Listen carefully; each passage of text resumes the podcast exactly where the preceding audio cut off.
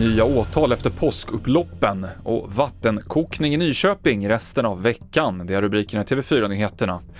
Vi börjar med att berätta att två män i 20-årsåldern idag har dömts för delaktighet i två mord i Hjulsta i Stockholm förra året. En av dem döms för mord och medhjälp till mord till 13 år och 10 månader i fängelse. Hade han varit äldre så hade han dömts till livstid enligt tingsrätten.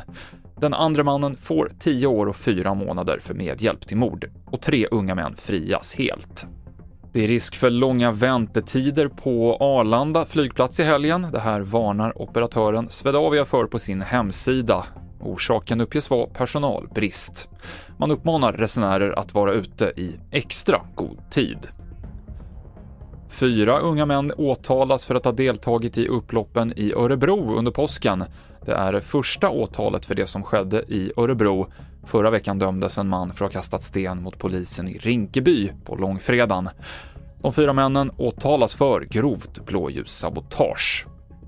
Möjligheten att vaccinera sig mot covid-19 blir kraftigt begränsad i sommar. Nästan alla regioner kommer dra ner på vaccinationerna, visar TV4-nyheternas kartläggning. Och Funktionshinderföreningen DHR är kritisk till att möjligheten minskar. Ja, dels är det en risk för oss som kanske är en riskgrupp att vi, har, vi måste begränsa vårt liv för att vi inte kan vara ute i, i, i samhället och delta på lika villkor som alla andra genom att folk kanske fortfarande smittar mer än vad de behöver göra. Så det kan ju vara avgörande för människoliv i slutändan. Det sa Carolina Selinska på föreningen DHR. Och det var sammanlagt mellan 30 och 40 000 hushåll och verksamheter som drabbades av den stora vattenläckan utanför Nyköping natten till igår. En del hushåll har fått vattnet tillbaka, men själva läckan är inte lagad och det kan dröja flera dagar innan man kan dricka vattnet direkt ur kranen igen, säger kommunen.